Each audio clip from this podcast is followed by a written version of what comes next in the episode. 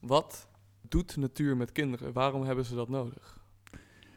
Ja, natuur heeft natuurlijk iedereen nodig, niet alleen kinderen. Maar kinderen die weten tegenwoordig, en dan praten we het over deze eeuw, die weten amper nog waar de melk vandaan komt. De, de melk die haal je bij de supermarkt. Hier in deze natuur al is daar een flinke discussie over hoeveel koeien we tegenwoordig hebben. Maar de koeien lopen hier uh, 100 meter hier vandaan in de wei. En lopen er geen koeien, lopen er wel schapen. Loop je het, uh, het bos in, dan kom je een eekhoorn tegen. En tegenwoordig zelfs een martens. Nou, reeën is helemaal feesten voor kinderen. Hè? Als, een, als, als een Bambi langskomt, nou, dan is het helemaal feest. Dus dit is een totaal andere wereld dan de wereld waarin ze dagelijks uh, spelen en opgroeien. En, uh, de straten staan natuurlijk vol met, met, auto's. Maar hier en daar hebben ze pleinen en speeltuinen. Dat is voor hun hun hele kleine natuur. Een natuur is voor hun een klimrek. Hier is een, is het een boom. Dus ze maken hier kennis met een wereld die ze niet meer gewend zijn. Want dan pak ik even terug naar mijn eigen jeugd. En dat is al heel lang geleden. Als je in Amsterdam-Zuid woonde, dan woonde je vlak bij de stadsgrens. Dus er was de natuur heel dichtbij. Heel dichtbij. Je ging de Amstel over uh, en je stond in een stukje natuur. Nou, dat is tegenwoordig helemaal niet meer het geval. Dus dit, als ze hier vakantie komen houden, hier in het vakantiehuis AZ 25, Amsterdam-Zuid 1925, hè, dat, dat ja. is de naam, dan uh, komen ze werkelijk in een, in een hele groene wereld. En die is voor hun vreemd, want groen is voor hun het plantje in de vensterbank als die er al is. In Amsterdam zijn er wel parken. Ja. Wat, wat maakt natuur anders van een park? Een park is aangelegd. Ja. Dat, dat is het. Dat is, en hier, deze natuur, wordt tegenwoordig wel bijgehouden door allerlei uh, boswachters. En hier en daar een pad. Maar hier kan je nog dwars door de bomen, uh, dwars door die bomen rennen. He, je komt hier onder de streamen te zitten van uh, allerlei brandnetels en toestanden. En dat, dat, dat geeft een stukje avontuur. En als de kinderen hier met vakantie zijn, dan is het grootste avontuur om s'avonds het bos in te gaan. Want dan hoor je geluiden en je ziet schaduwen. Ja, dat doet toch wel een beetje denken aan uh, Dracula-achtige toestanden. En dat, dat is spannend. En zeker dan als uh, uh, de meisjes ook meegaan en die vinden het prachtig om natuurlijk, uh, ja, ja, dat, ze, dat ze schrikken omdat jij toevallig net achter die boom staat en een raar geluid laat horen. Dus het is, het is avontuurlijk. Het is avontuurlijk. Hier is niet alles voor je bedacht. En in, in het park is alles voor je bedacht. Waar de bankjes zijn, waar je eentjes kan voeren. Ja, hier niet. Was dat ook het uh, idee of uh, achter de oprichting van zo'n vakantiehuis? Nee, nee, niet, niet, niet met zoveel woorden. Nee, het idee was, onze kinderen hebben nu een speeltuin.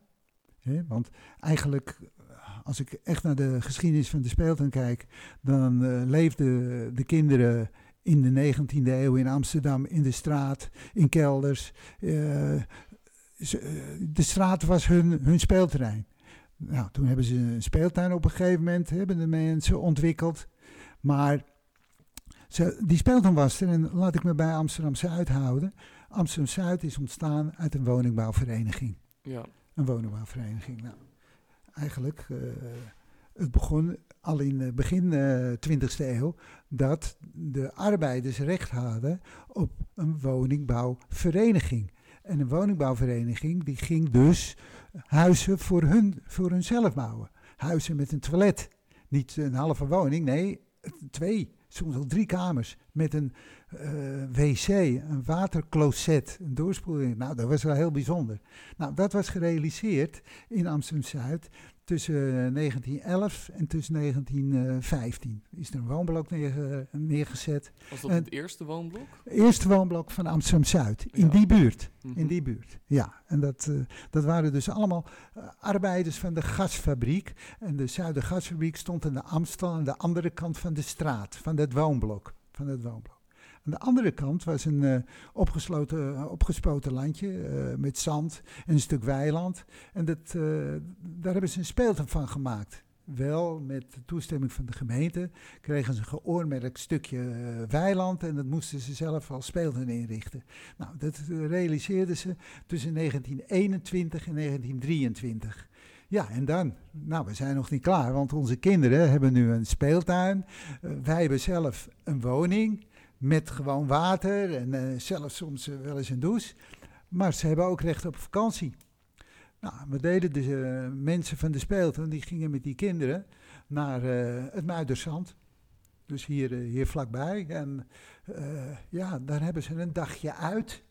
En daar ontstond het idee van, god, we zouden hier toch ergens een vakantiehuis moeten kunnen maken. Nou, dan was er ook weer een, een bevriende speeltuinmedewerker. Die had hier een, een stukje grond in het gooi als tuintje, als een soort volkstuintje. En die zei van, nou, dat mogen jullie wel dan gebruiken. Als jullie zorgen voor een, uh, voor een huis, voor een, uh, ja, een hut, een grote hut, ja. dan, uh, dan kunnen we misschien wat organiseren. Dus het was een stukje ontwikkeling, een arbeidersemancipatie. Van niks tot een eigen, eigen huis, woningbouwvereniging, speeltuin en dan ook nog een eigen vakantiehuis. Het was een natuurlijke ontwikkeling ja. vanuit die ja. speeltuin. Ja, met dubbeltjes en kwartjes hè, bij elkaar gespaard. Die, die, die speeltuinen, die, die, werden uh, die vonden mensen belangrijk om een speeltuin voor de kinderen te maken. Waarom is een speeltuin belangrijk? Is, uh, wat doet spelen met kinderen? Net zoals wat ik vroeg, wat doet natuur met kinderen? Ja, wat doet spelen met kinderen? Ja. Spelen is belangrijk omdat ze dan zichzelf opvoeden. Uh, ze, ze, merken dan dat uh, die wereld van meerdere kinderen is. Niet alleen van, van hunzelf. Want als zij naar een schommel gaan, dan uh, wordt er van, van ze verwacht dat die schommel uh, vijf minuten later, dat daar een, een ander op schommelt. He? Dus dan, dan, je moet delen. Je moet delen. Wat ook belangrijk is in de speeltuin, dat er klimtoestellen zijn. Waar je naar beneden kan vallen. Nou, dat gebeurt je één keer, dat gebeurt je twee keer, want goh, dat, dat doet zeer. Dus je wordt behendiger. Je, je leert de limieten van je eigen lichaam Precies. kennen. Dan moet je natuurlijk er wel voor zorgen dat niet al die speeltoestellen totaal beveiligd zijn. Want ja, als je altijd uh, in de watten valt, dan, dan voel je geen pijn. Dan uh, maakt het je niet meer uit. Dus er moet avontuur in een, in een speeltuin zitten. Je moet kunnen knokken met je vriendje. Je moet kunnen voetballen met je vriendje. Maar je moet ook samen kunnen klimmen. Ik durf hoger dan jij. Dus de, de competitie komt er ook in. Spelen is mens worden. Je bent een heel klein mensje. En ja, je leert er al de beginselen van het, van het latere volwassen zijn.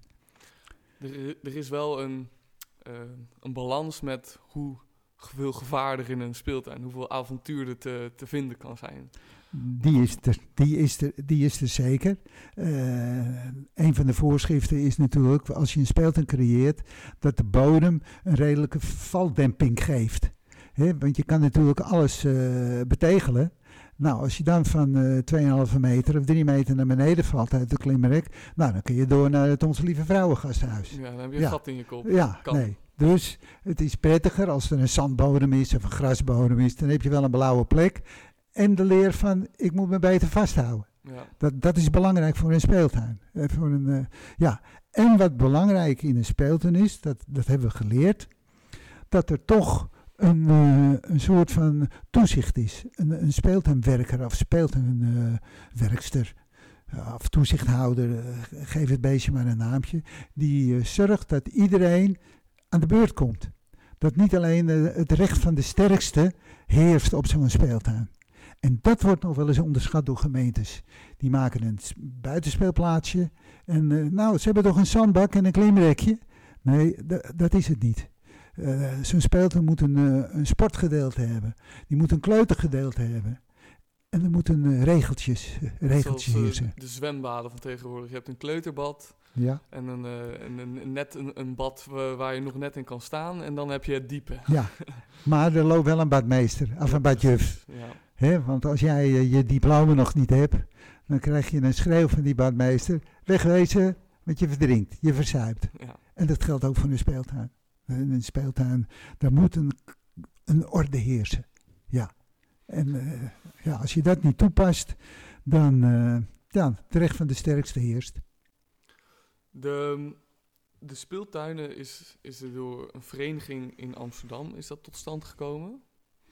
De speeltuinen in Amsterdam die hebben een geschiedenis. Geschiedenis. Kun je me een klein beetje de geschiedenis daarvan vertellen? Nou, de speeltuinen zijn ontstaan half 19e eeuw.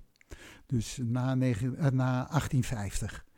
En dat, in het bijzonder was het wethouder Tetterode van de gemeente Amsterdam. Die uh, geïnteresseerd was in speeltuinen om kinderen een doel te geven na hun schooltijd. Want zo langzamerhand had iedereen door dat uh, kinderen geschoold moesten worden. Hè, want dat betekende dat ze later niet in armoede terechtkwamen. In hun vrije tijd moesten ze dus in een speeltuin kunnen, kunnen spelen, want anders waren ze op straat en dan maakten ze elkaar af. Of ze jatten bij de groenteboer, of, er werd rotsie uitgehaald. Dat, dat, dat is van alle eeuwen, dus ook in die, uh, in die eeuw. Verveelde kinderen zijn vervelende kinderen. Dus de, de gemeente, uh, Tetrode, die heeft toen een initiatief genomen om een vereniging op te richten. De Vereniging voor Veredeling van Volksvermaak. Dat waren een aantal regenten die gingen bedenken wat goed was voor uh, Jan met de pet en Mien met het schort en hun kinderen. Er zijn uh, twee speeltuinen neergezet. En die speeltuinen die kwamen totaal onder het beheer en met centen kwamen die tot stand van de gemeente. Dat werd een grote mislukking. Grote mislukking. De kinderen die uh, moesten daar een kaartje voor kopen. Ze moesten in de rij. Ze moesten constant. Uh, met hoofdletter M. Moesten. Ze moesten dit. Als ze naar de draaimolen wilden, dan moesten ze in een rij. Ze moesten het vragen. Er was niets van hunzelf bij. En je moet lol hebben. Ja, nou, dat lol hebben, dat, dat mislukte totaal. Want uh, er werden meer uh, gevochten van, nou mag ik drinken bij het waterkraantje. Dus nee, dat, uh, dat is mislukt tot 1900. 1900 was er een initiatief genomen door een scheepstimmerman. Elke Jans Klare, dat was een Friese scheepstimmerman die op Kattenburg woonde in Oud-Amsterdam. En die zei van die speeltuinen, die moeten er wel komen. We hebben er nu twee wel, hebben we min of meer afgebroken. Maar er moet een speeltuin komen van onszelf. Dus ik richt een speeltuinvereniging op. Niet een gemeentespeeltuin, maar een, van een vereniging. Van de leden. En wij bouwen die speeltuin zelf. En de gemeente mag ons, moet ons eigenlijk, subsidiëren. Die moet ons de gereedschappen geven dat wij die speeltuin kunnen maken. Dan wil ik bewijzen dat die speeltuin niet wordt afgebroken. En dat werd een succes. En binnen 15 jaar waren er vijf speeltuinen, verenigingen in, in Amsterdam. Allemaal op basis van verenigingen. In 1921, toen, we, toen was Plan Zuid in ontwikkeling. Plan Zuid is een hele belangrijke uh, ontwikkeling in Amsterdam qua bouwkunst. Want dat was uh, Berlage, architect Berlage. Die had een heel uh, plan ontworpen voor nieuwe wijken in, in Amsterdam. Dat is wereldformaat, zo langzamerhand Berlage. En, en in een van die wijkjes, in de buitenwijkjes, daar was de woningbouwvereniging Amsterdam-Zuid van die gasarbeiders, die was daar al gevestigd. En die hebben daar dan een speeltuin opgericht vanuit de woningbouwvereniging. En hoe had Bellage daarmee te maken? Nou, Bellage die heeft die buurt ontworpen. Totaal ontworpen. Die Amsterdam-Zuid uh, Amsterdam-Zuid. Amsterdam-Zuid, dus uh, zoals het er nu is nog, met, uh, met de Churchilllaan, de Rooseveltlaan. Als je de Bellagebrug over, overkomt, dan rij je de buurt van Bellage in. Mm. Tegenwoordig heet het een rivierenbuurt. Oh, ja. Rivierenbuurt. Maar dat was Plan Zuid. Plan Zuid. En ja, de, dat had aanzien. Dat had aanzien in de hele wereld. Die, die architectuur. Nog, nog wordt dat wel bezocht. En Bellage, die was in die tijd een icoon. Ja, ja. Amsterdam-Zuid, de woningbouwvereniging, die was Bellage al voor geweest. Want die had in, aan die Amstel had hij al uh, een woonblok neergezet. Al die gasarbeiders, die hadden dat gedaan. En die hebben dan die, die speeltuin opgericht. Ja, het, het is een uh, aaneenschakeling van woningbouwvereniging, speeltuin, vakantiehuis. Waar we nu zitten. Waar, um, wat maakte ervoor dat die speeltuinen toen het door de mensen zelf, de, eh, de buurtbewoners, werd gecreëerd? Wat maakt voor dat het dan wel een succes werd? Waarom werd het niet meer afgebroken? Omdat, eh, eigenlijk is het heel simpel. Eh, als een huis van jezelf is en je schildert dat... en eh, iemand anders gaat er tegenaan lopen schoppen... dan zeg jij, eh, flikker even op. Hé, dat, is, dat is mijn huis. Ik heb er moeite in gestoken. Nou, dat gaat ook zo met die speeltuinen. Op het moment dat daar jongens waren die gingen vernielen, dan is het, het is wel het zandbak van je zusje hoor. Doet een gemeente dat, dat is een, een- ja, een, ver weg. Externs. Ja, er komt er iemand langs en die maakt dan de bestrating wel weer. En die bestrating moet niet stuk gemaakt worden. En die wordt niet stuk gemaakt als die bestrating van jezelf is. Als het clubhuis van jezelf is, dan maak je het niet stuk. Dan is hij van jou, dan is hij van de buurvrouw, van de buurman, dan is hij van ons. En anders is hij maar van de gemeente. Ja, ik, eh, ik, ik moet daar altijd eh, aan, aan denken van hoe, hoe mis het is gegaan dan in het Oostblok. In het Oostblok, als je daar naartoe kijkt. Het Oostblok die, eh, was eindelijk ontsnapt aan die tsaar. hè, Die hebben ze eh, letterlijk vermoord. Ja. De- het kwam in handen van de bevolking. En wa- wat deden ze? Ze gingen daar allemaal mannetjes met uniformen en petten opzetten. Die gingen de, de rest van de bevolking eh, gingen ze terroriseren. Dus daar kwam ook niks van terecht. Nou, als de gemeente, de gemeente, in het klein, de speeltuin g- weer... Niet zo erg als Sovjet-Unie. Nee, absoluut niet. Nee, het is doodzonde. Het is natuurlijk doodzonde. Want het, het, had, een, het had prachtig kunnen zijn. Want het, ik denk dat het voor een mens een utopie is. Dat, Ja. dat, dat lukt niet. Maar in het klein kan het wel lukken. Als de gemeente weer gaat bepalen hoe de speeltuin eruit moet zien. En dat hij hem onderhoudt. En dat hij vertelt eh, wat je wel eh, en niet in die speeltuin mag. En dat er een schommel moet komen en geen wip, of omgekeerd. Of, Ja. Dat die weer voor jou gaat denken. Dan wordt het weer een rotzooi. Wat kan mij het een schelen? Die gemeente bepaalt het toch wel. Het moet iets van jezelf zijn. Ja. En dat is ook waarom dit vakantiehuis, dat is zo, eh, over een paar jaar is het 100 jaar, er nog is. Het is van onszelf. Helemaal van onszelf. Iedereen die hier binnenkomt, hè, we hebben dan een bestuur, en die de medewerker, die bepaalt mee de kleuren. Die bepaalt mee eh, dat de verwarming op 22 graden in plaats van 18 graden gaat. Want we betalen de rekening ook zelf. Nou, en, en daarom is dit vakantiehuis een succes. En daarom werden die speeltuinen ook een succes. Die speeltuinen zijn in Amsterdam weer eh, minder geworden na de invoering van de deelraden.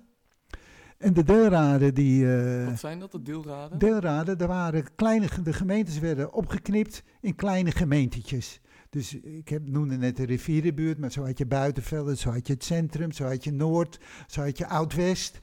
Dat waren allemaal kleine gemeenteraden. En wat deden die kleine gemeenteraden? Die eh, organiseerden eh, welzijnsstichtingen met beroepskrachten. Wanneer, welke, welke tijdsperiode spreken we Jaren? 80. Jaren 80. Ja, ja, in de jaren 80. Ja. En maar dit dus de, de speeltuinen, die begonnen in 1920. Nee, de speeltuinen, eh, Amsterdam-Zuid begon in 1921, Ja. maar de speeltuinen zijn ontstaan vanaf precies 1900. Maar die, die, er was een groeiende lijn, want je zei Ja. eerst was er één en voor je het weet waren er vijf. Hoe is de, die groei ongeveer gegaan tot die deelraad, tot 1980? Toen, waren er, eh, toen de deelraden kwamen, waren er 55 speeltuinen, verdeeld over Amsterdam. En dat waren speeltuinverenigingen. Allemaal vanuit de buurt geregeld. Ja, ja. Na de oorlog zijn er wel een aantal speeltuinen door de gemeente neergezet, maar toen hebben ze de sleutel overgedragen aan de buurt. Mm. Het is jullie speeltuin, het is jullie vereniging, ga je gang. Wij doen het grote onderhoud om het veilig te houden.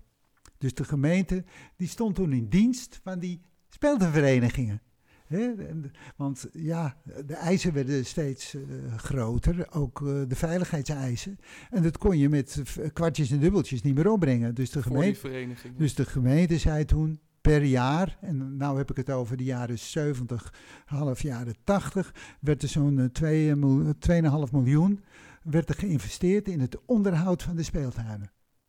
Maar het clubwerk, dat werd allemaal gefinancierd door de mensen zelf. Dus eh, de bootjesclub, de creatieve club, de pottenbakclub, eh, de, de oudere eettafel. Dat werd gefinancierd door de mensen zelf. Ja. De gemeente die gaf dus op een gegeven moment eh, het, grote onderhoud. Daar gaven ze gehoor aan. Oké, grote onderhoud, dat doen wij. Dat doen wij. Op het moment van de deelraden, toen was het zo, toen werden de speeltuinen, die moesten dan hun subsidie aanvragen voor het onder- onderhoud bij een welzijnsstichting. Eh, Dus beroepskrachten. En die gingen dan de eisen stellen aan die verenigingen. Van je krijgt wel geld, maar dan moet het clubhuis rood zijn. Bijvoorbeeld. Eh, we gaan geen bootjesclub meer doen. We gaan nu eh, Frans geven. Of we gaan Chinees geven. Ja, dan zei de vrijwilliger van... Ja, rot dan maar op. Af jij doet het, af ik doe het. Dan stoppen we ermee. Dan stoppen we ermee. Dat betekende dat in 86 kwamen de deelraden. In 90 waren er 15.000 gezinnen, speeltuingezinnen, ermee gestopt. Van de hoeveel, van als je die 55 eh, speeltuinen van die had, hoeveel 55, eh, gezinnen waren daarmee verbonden? Er waren ongeveer, nou, eh, een gezin bestaat meestal uit, uit vier personen. Ja. Dus er waren eigenlijk zo'n kleine 100, 120.000 leden bij het Amsterdam Speeltuinverbond. Mm, Die zijn allemaal verdwenen. Met de invoering van de deelraden, binnen 10 jaar zijn die verdwenen. binnen tien jaar zijn die verdwenen. Dat kwam door de, door de stichtingen, door de eisen van de gemeente, van de subsidiegever. Nu ga je doen wat wij willen. En het was altijd omgekeerd. En dat, ja, dat lieten ze vertellen door die welzijnsstichtingen die eh, daar neergezet werden door die overheid, door die gemeente.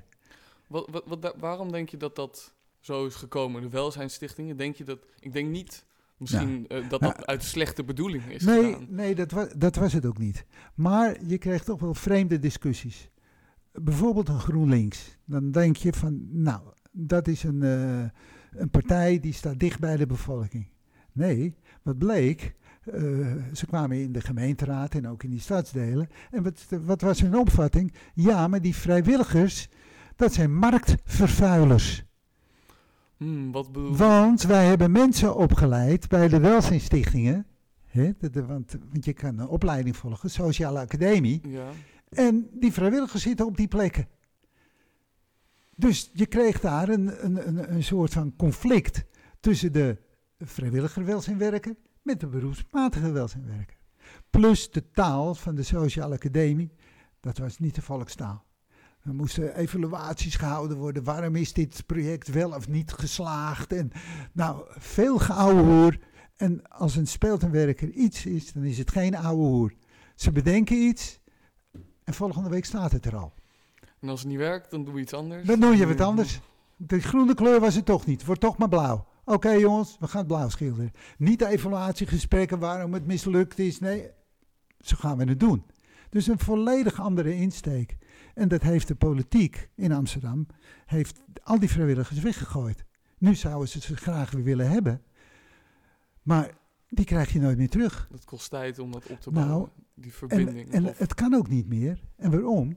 Amsterdam, als je daar wil wonen, dan moet je samenwerken. Als je het koopt, is het amper te betalen. Dus de hypotheek, dan, dan moet je, eh, dat red je niet met 40 uur werk. Dan moet pa ma zeker eh 80 uur werken. En dan nog. En dan, en, dan nog. Dus die hebben veel minder tijd om vrijwilligerswerk te doen. Ze hebben daar ook eh, vaak geen zin meer in. Ze huren liever dan zo'n welzijnwerker in. Eh, zoals tegenwoordig zie je verjaardagen van kinderen. Er worden welzijnwerkers ingehuurd om een feestje te organiseren. dat ja. ben je niet. Ja, dat, dat komen we al tegen. Dat komen we al tegen. Dat doen ze zelf niet meer. Eh, kinderopvang. Er waren kinderen die leerden lopen op de kinderopvang. Ze zeiden eerder eh, eh, tegen de kinderopvangjuffrouw, mama of papa, dan tegen hun eigen mama en papa.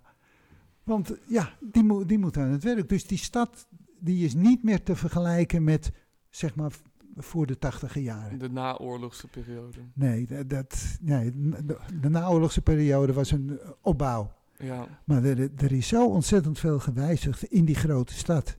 Je vindt het speeltuinwerk nog wel een beetje terug in kleinere gemeentes. Ja? Van in de, wel in Noord-Holland? Of ook ja, in ook in Noord-Holland. Nee hoor, in, in Monnikendam, in, eh, in kleinere gemeentes. Ook, ook hier in Hilversum is nog een, een speeltuin. En die zijn dan eh, aan- aangesloten bij de, de NUSO, Nederlandse Unie voor Speeltuinorganisaties. En tegenwoordig is dat ook weer omgevormd tot, tot los. Wat, wat dat de af- afkorting van is, dat weet ik niet. Ja, Er zijn ook weer welzijnwerkers opgedoken. Dus ook daar is die trend van meer beroepsmatige welzijnwerkers. Niet meer als ondersteuners, maar als uitvoerders. Ja, als dat hier ook gebeurt, als je hier een eh, beroepskracht neerzet, dan is, het, eh, dan is het over. Binnen vijf jaar is het hier over. Dan, dan, ja, dan, dan is het niet meer van jou, dan is het niet meer van mij. Maar is het dan dat, dat eh, de mensen die hier bij het vakantiehuis betrokken zijn... Ja, die geven het niet uit handen hoor trouwens. Nee, die geven, nee, die geven niet uit handen, maar even de hypothetische situatie. Er komt een, een welzijnswerker, komt hier binnen met alle goede bedoelingen. Ja. Hoe, hoe ga, wa- wat, wat denk je dat er dan eh, zal Nee. gebeuren? Nou, je moet het zo zien, eh, de welzijnwerker die we nu binnenhalen, dat is een installateur. Wij, eh, zoals we hier zitten in het bestuur, we hebben allemaal een ambacht. Ik zelf ben een elektricien, maar ik ben wel 70 plus. 70 plus. Nou, eh, alle dakkrewijtjes deed ik zelf. Moest er uh, onweer uh, afleiders komen, doe ik het zelf. Aardleidingen doe ik het zelf. Aantal dingen, met mijn, met mijn kunstknie, kan ik niet meer. Dus je haalt nu wel zijn werk binnen, maar in de vorm van installateurs, waar jij de afspraken mee maakt. Ik, als beheerder, zeg tegen die installateur, zo wil ik het hebben. Want dat had ik zelf willen doen. Ja. Je moet alleen nu, en dat is een nadeel, we moeten wat economische verhuren. Uh, dit vakantiehuis uh, heeft geen subsidie. En dat is een heerlijk gevoel, want dan hoef je tegen niemand dankjewel te zeggen. Mm. Je moet alleen uh, die nacht, die overnachting die ze betalen, die, die moet wel iets duurder worden. Want de installateur, wat je zelf niet meer kan, die moet je betalen. Dus een welzijnwerker, die halen we dan binnen. En dat kan ook iemand zijn die uh, een spel organiseert. Maar wij zeggen, dat spel willen we.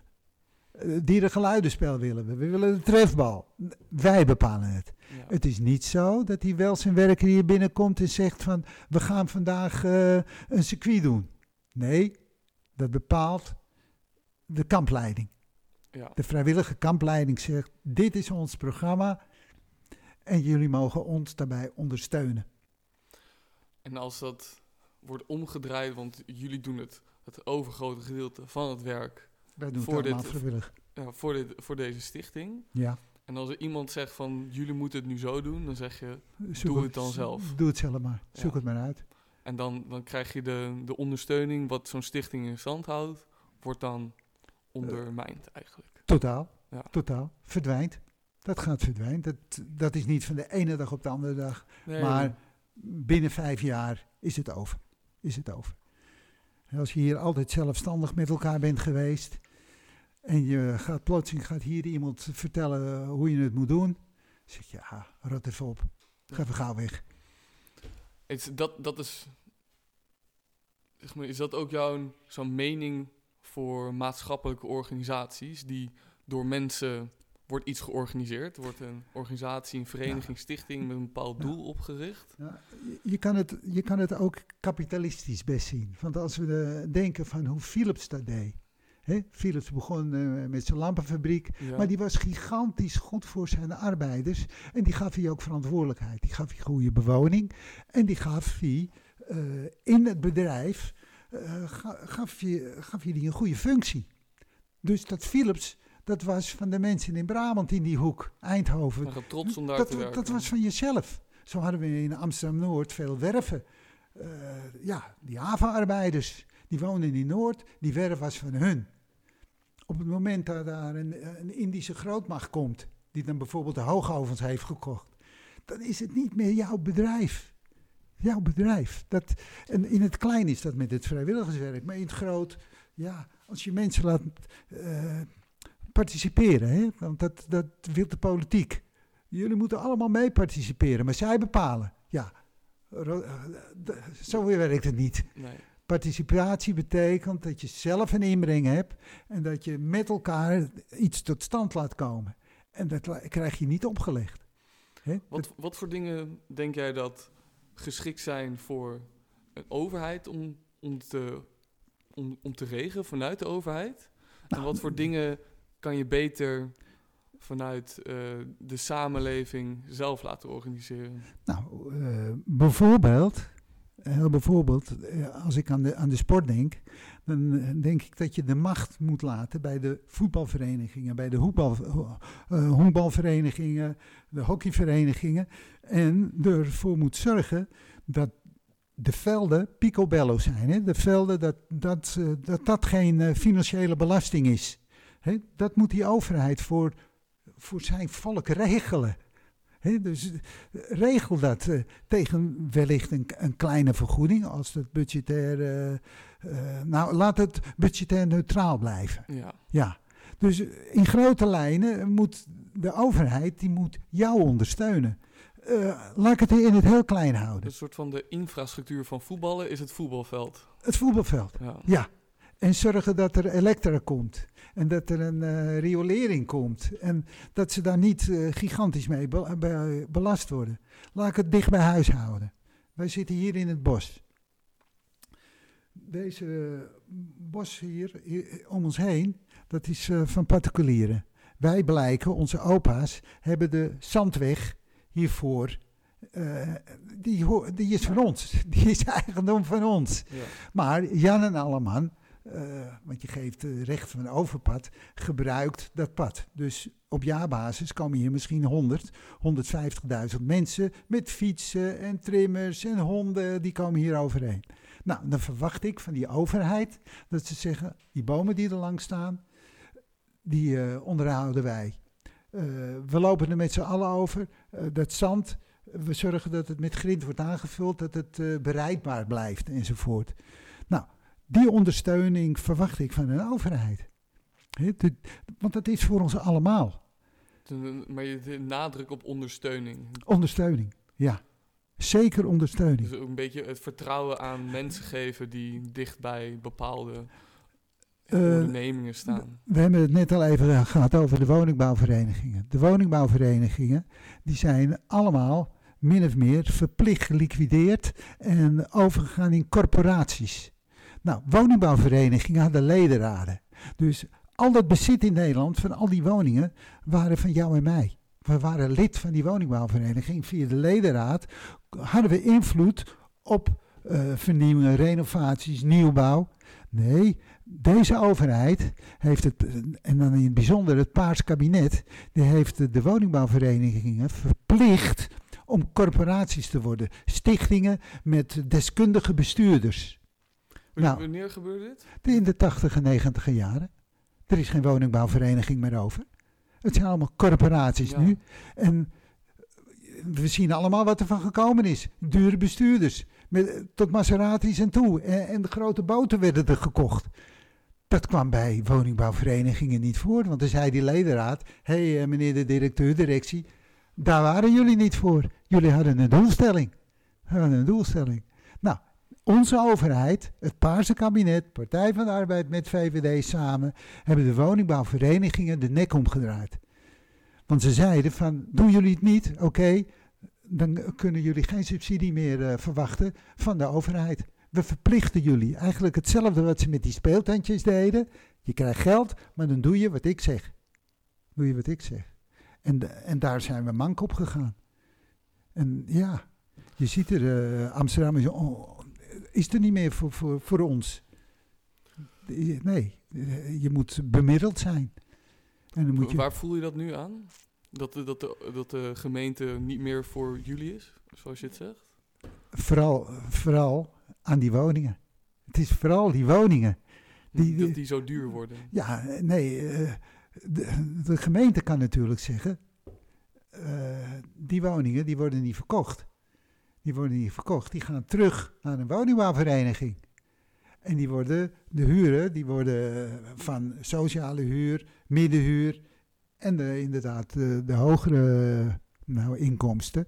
Maar, maar nu wordt het overgelaten aan de markt.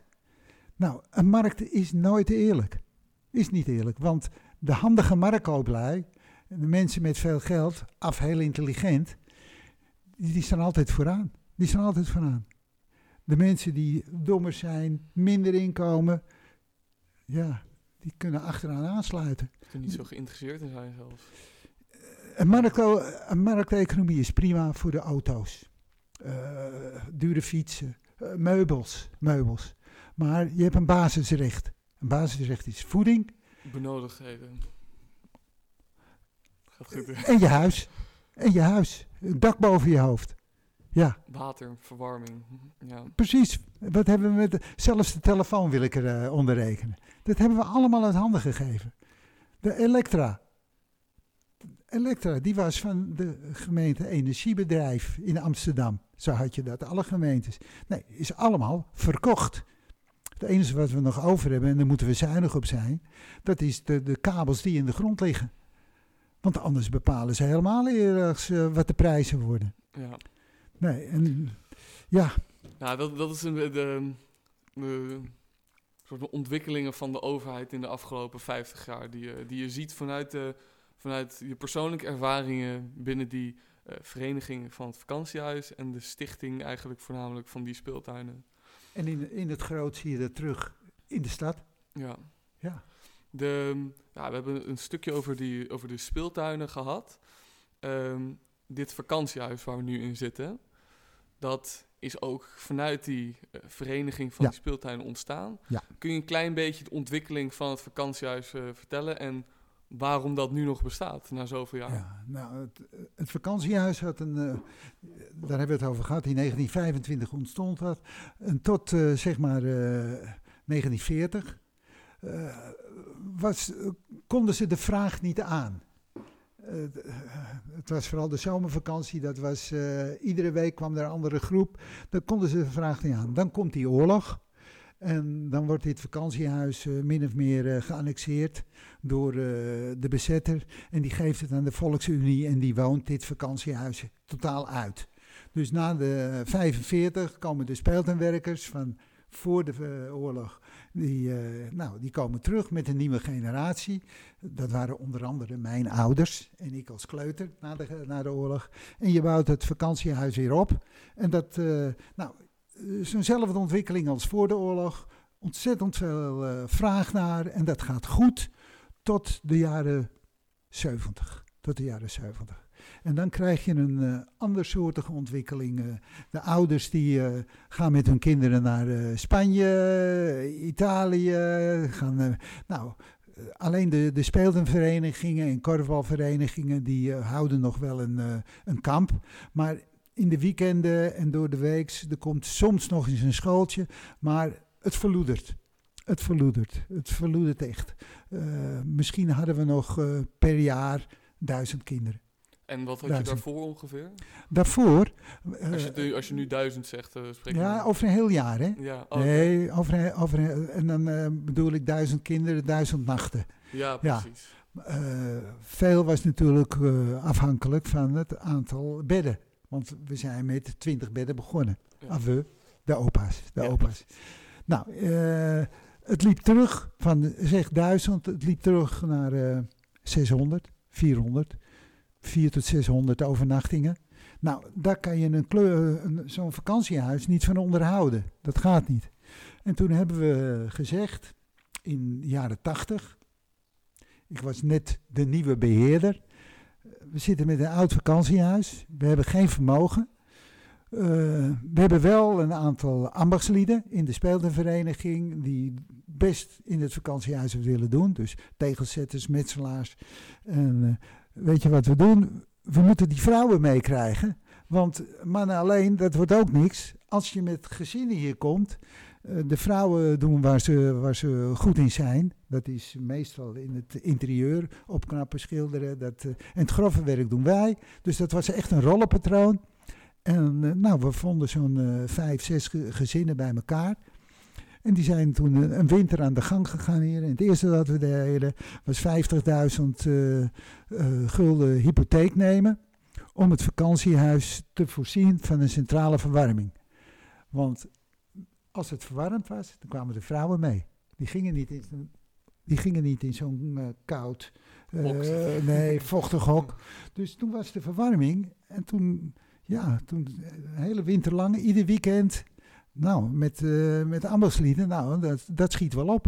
En toen zag je dat de scholen weer geïnteresseerd raakten in deze accommodatie.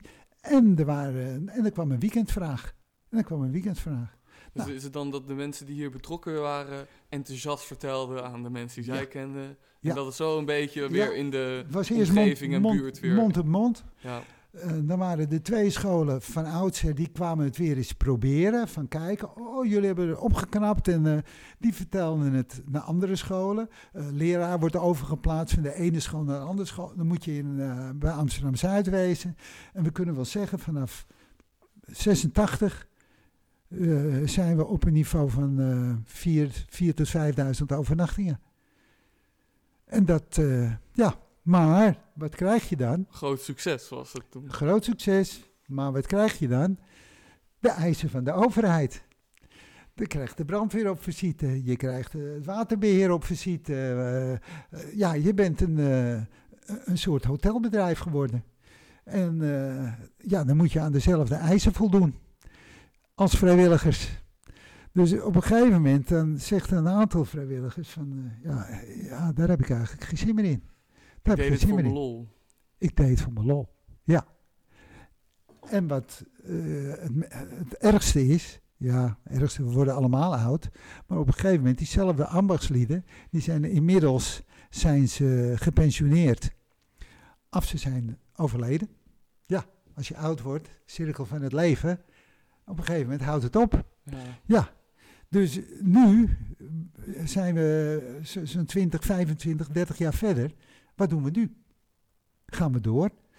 Als we een beheerder in dienst moeten nemen, die al die klusjes moeten doen.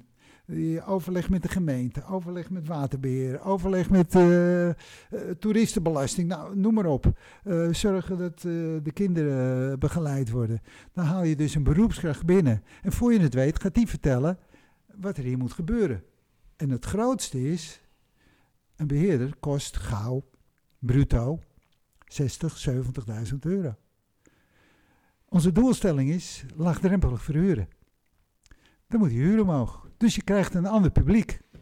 Dus nu, ja, de komende jaren, wat gaan we met het vakantiehuis doen? Gaan we door? Vinden we een nieuwe groep jonge mensen die op dezelfde manier, eh, nou ja, enthousiast zijn voor het beheer van het vakantiehuis? Af gaan we een andere functie aangeven. En een andere functie zou kunnen zijn een praathuis in het bos. Voor, eh, voor eh, gepensioneerden, eh, 50 plus. Ja, dus we hinken een beetje op twee gedachten. Gaan we door voor kinderen, af gaan we door als boshuis. Praathuis van de Fabeltjeskrant. Is het, ehm, is het de, de, de afgelopen jaren is ook de demografie in Amsterdam nogal veranderd? Wat je zegt, de huizen worden duurder, er komen andere soort gezinnen in. Ja. Heb- Is er ook dan, eh, die kunnen op vakantie naar Sp- Italië, Spanje, is Ja. er dan ook echt minder interesse? Of hoe Nee, zorgen jullie nee, ervoor nee, er- nee, er is meer dan voldoende interesse. Want die vakanties, eh, die worden wel gehouden, maar dan worden de kinderen ondergebracht. Want eh, er wordt naar wintersport gegaan door pa en moe. Want ze werken de, zich de zenuwen het hele jaar. Even zonder kinderen, even zonder Een kinderen. klasje in. Ja. Nee, er is, er is ontzettend veel vraag. Ja, corona heeft natuurlijk eh, wel toegeslagen. En wij hadden gelukkig een buffer opgebouwd, anders kan je niet, hadden we niet kunnen blijven bestaan. We hebben meer dan eh 45.000 euro schade. Zo. En dat is voor ons een heleboel geld, heleboel geld. Dus je kan veel minder aan het gebouw doen. Ja, het is een gebouw van 100 jaar. Dus ja, je moet zorgen dat er per jaar zo'n eh 15.000 tot 20.000 eh, euro is om, eh, ja, om het gebouw te onderhouden. Wat, wat voor, dus nu corona is even moeilijk, Ja. maar wat is het, wat voor soort mensen komen er nog? Wordt het door scholen georganiseerd? Of Nee, het zijn nu eh, vaak eh opa en oma die eh, zijn eh, 50, 60 jaar getrouwd en die komen met al hun kinderen en kleinkinderen. Want we kunnen er 51 kun je hier kwijt. Eh opa en oma die kunnen natuurlijk ook naar Landal of naar al dat soort parken. Dan moeten ze vijf huisjes huren.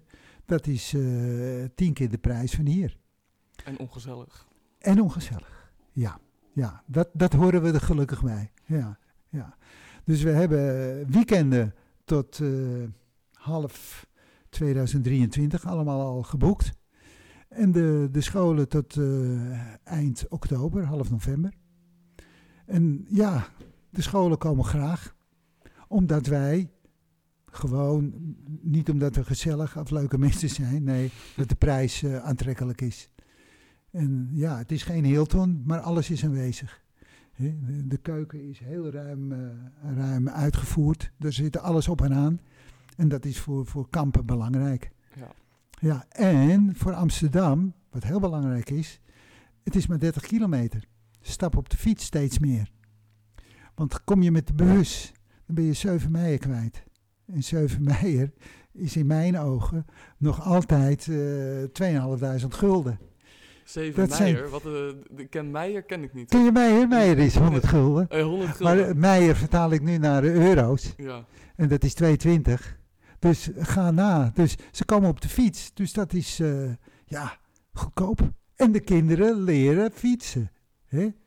Helemaal die... Ja, ja, ze leren fietsen. Het is ja, een... Is dat, uh... ja, ik, ik, kan persoonlijk kan me bijna niet voorstellen dat je moet leren fietsen. Maar hoe, hoe nou ja, oud, wat voor, nee, ze, hebben allemaal, nee, ze hebben allemaal wel een fiets, maar ze fietsen in de straat uh, 100 meter en ze racen een keer tegen elkaar. Maar 30 kilometer fietsen, helemaal uit gooi fietsen. Oh. Voor, voor, ons was het de enige mogelijkheid, want je had geen geld voor de trein. Maar uh, fietsen, jongen, jongen. Nou, dat, ja, dat is nu... Het is wel een mooie route. Ja, prachtroute. Prachtroute. Ja, prachtroute. Ja. Dus, ja. Um, hoe oud zijn de kinderen ongeveer die hier komen? Of verschilt het ook heel erg? Het verschilt, maar de gemiddelde leeftijd is uh, 10, 10, 13. 10, 13. En dan uh, de, de, families, dat is van, uh, van 8 maanden tot 80. Precies. Ja, ja. Zie je ook nog hetzelfde, dezelfde reactie van dat van de, vanaf oudsher was het vakantiehuis gericht dat kinderen een keertje uit de stad kunnen komen. Heb je dat nu nog steeds? Regelmatig, het, vooral in de weekenden, als we hier aan het werk zijn, komen mensen, mogen we nog even kijken, want we zijn toen in de jaren 50 en uh, zijn we hier geweest. En daar komen nieuwe klanten uit. Verschillende mensen die zijn met, uh, met, als, als, uh, als kind met school geweest en die zien het nu. Ze vinden het wel veel kleiner, maar ze herkennen nog zoveel dat ze met hun uh, familie terugkomen. En dat zijn uh, dankbare huurders, ja. Maar ook de, de, de jongeren die nu nog komen, 10, 13 jaar vanuit scholen, ja want hebben die nog steeds een beetje hetzelfde effect dat ze niet echt uit de stad zijn geweest? Steeds minder. Steeds minder. Nee, ze, uh, wat, wat, raar is, ze zijn wel vaak in Amerika geweest, maar nog niet in het gooi. Daar Mm. komen, ze met, komen ze met school. Ze worden overal mee naartoe genomen, naar Bali of naar uh, New York. Maar helemaal op de fiets het gooi, dat is een nieuwe beleving. Unieke ervaring. Ja, ja, ja. ja, ja. En dat, dat, dat is wel leuk. Dat is wel een leuke ontwikkeling. Maar goed, ik, uh, ik weet niet uh, hoe de toekomst eruit gaat zien. Maar we, we zitten nu op een, op een, op een tweespalt. Wat, wat gaan we doen? Af en toe wordt een huis voor iedereen. En dan worden we een soort koffiehuis. En dan, uh, als de, de, buren willen komen, uh, leuk, uh, prima. En dan misschien moeten we dan een deel moeten we verbouwen tot een paar soorten recreatieappartementjes. Om, ons, om de kosten, ja, om, om, om je de belastingen te kunnen betalen en de verzekering te kunnen betalen. Waar, waar zouden mensen jullie kunnen bereiken of meer informatie kunnen vinden?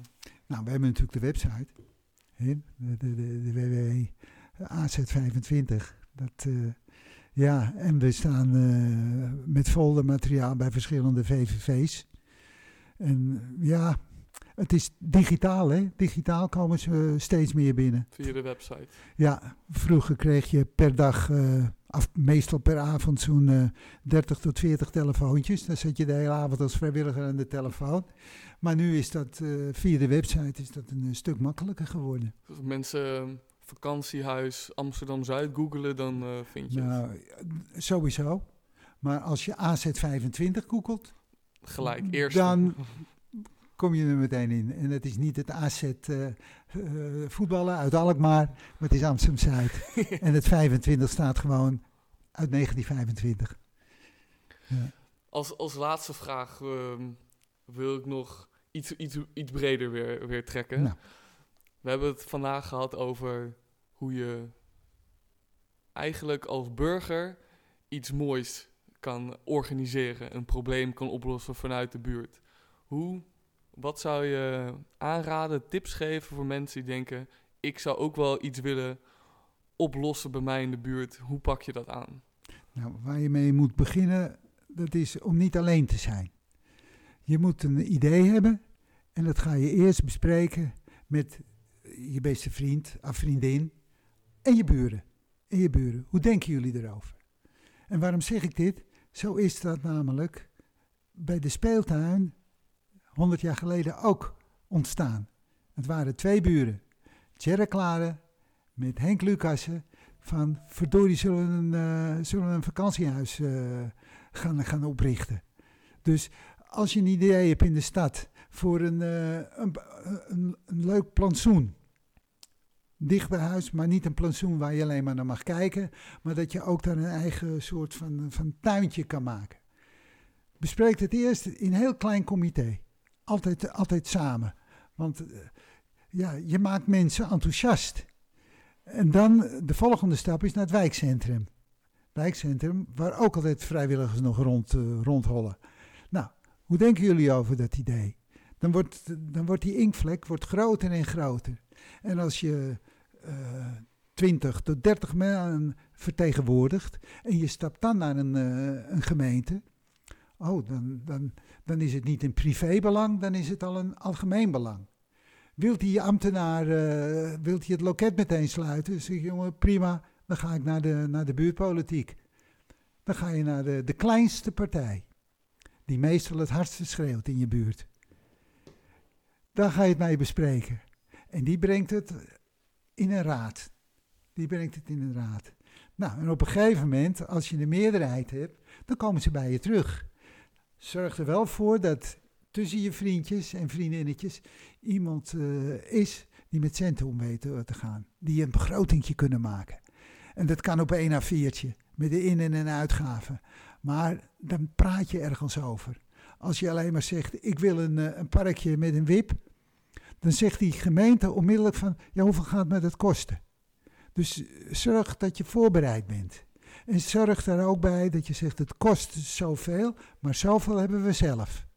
Nou, dan, dan, dan krijg je tegenwoordig een opening. Want alles draait om de centen. Absoluut. Maar als je zelf begint, draait het om het enthousiasme. En als je dat, niet, als je dat niet kan kweken, dan is het gedoemd te mislukken. Een ander idee verzinnen. Ja, ja, ja. Als niemand ja. enthousiast van wordt, dan... Dan moet je andere ideeën uh, bedenken. Uh, maar weer mensen om je heen verzamelen. Solidariteit kweken. Dat, uh, dat is het allerbelangrijkste. Samen sta je sterk. Ja, ja daarvoor uh, zit ik hier nog. Ik heb een aantal mensen die solidair met mij zijn. En dat is, uh, dat is een heel warm gevoel. Ja, dat is een soort liefde voor elkaar. Ja, ja. Ja, dat kan ik me voorstellen. Als je samen iets creëert ja. en onderhoudt. Ja, dit, dit, het is ons huis. Het is niet mijn huis. Het is ons huis. He, uh, nu staan er nu uh, iemand, uh, daar koepelt aan. een vriendje is een, een bagagerek, een kofferrek nu aan het... nou, die dat aan het doen, die heeft bij mij in de klas gezeten toen we twaalf waren. He, toen we naar de middelbare school zaten, was dat een vriendje. We, we vinden elkaar nog hier. Ja, ah, nou dat is een rijkdom die leven lang is. Leven lang, ja. En dat wil ik adviseren. Vriendjes maken, vriendinnetjes maken. En een, uh, met een goede doelstelling. Oh, heel erg bedankt, lijkt me een heel mooi einde. Dankjewel, Dick. Oké, okay. nou, maak er wat van.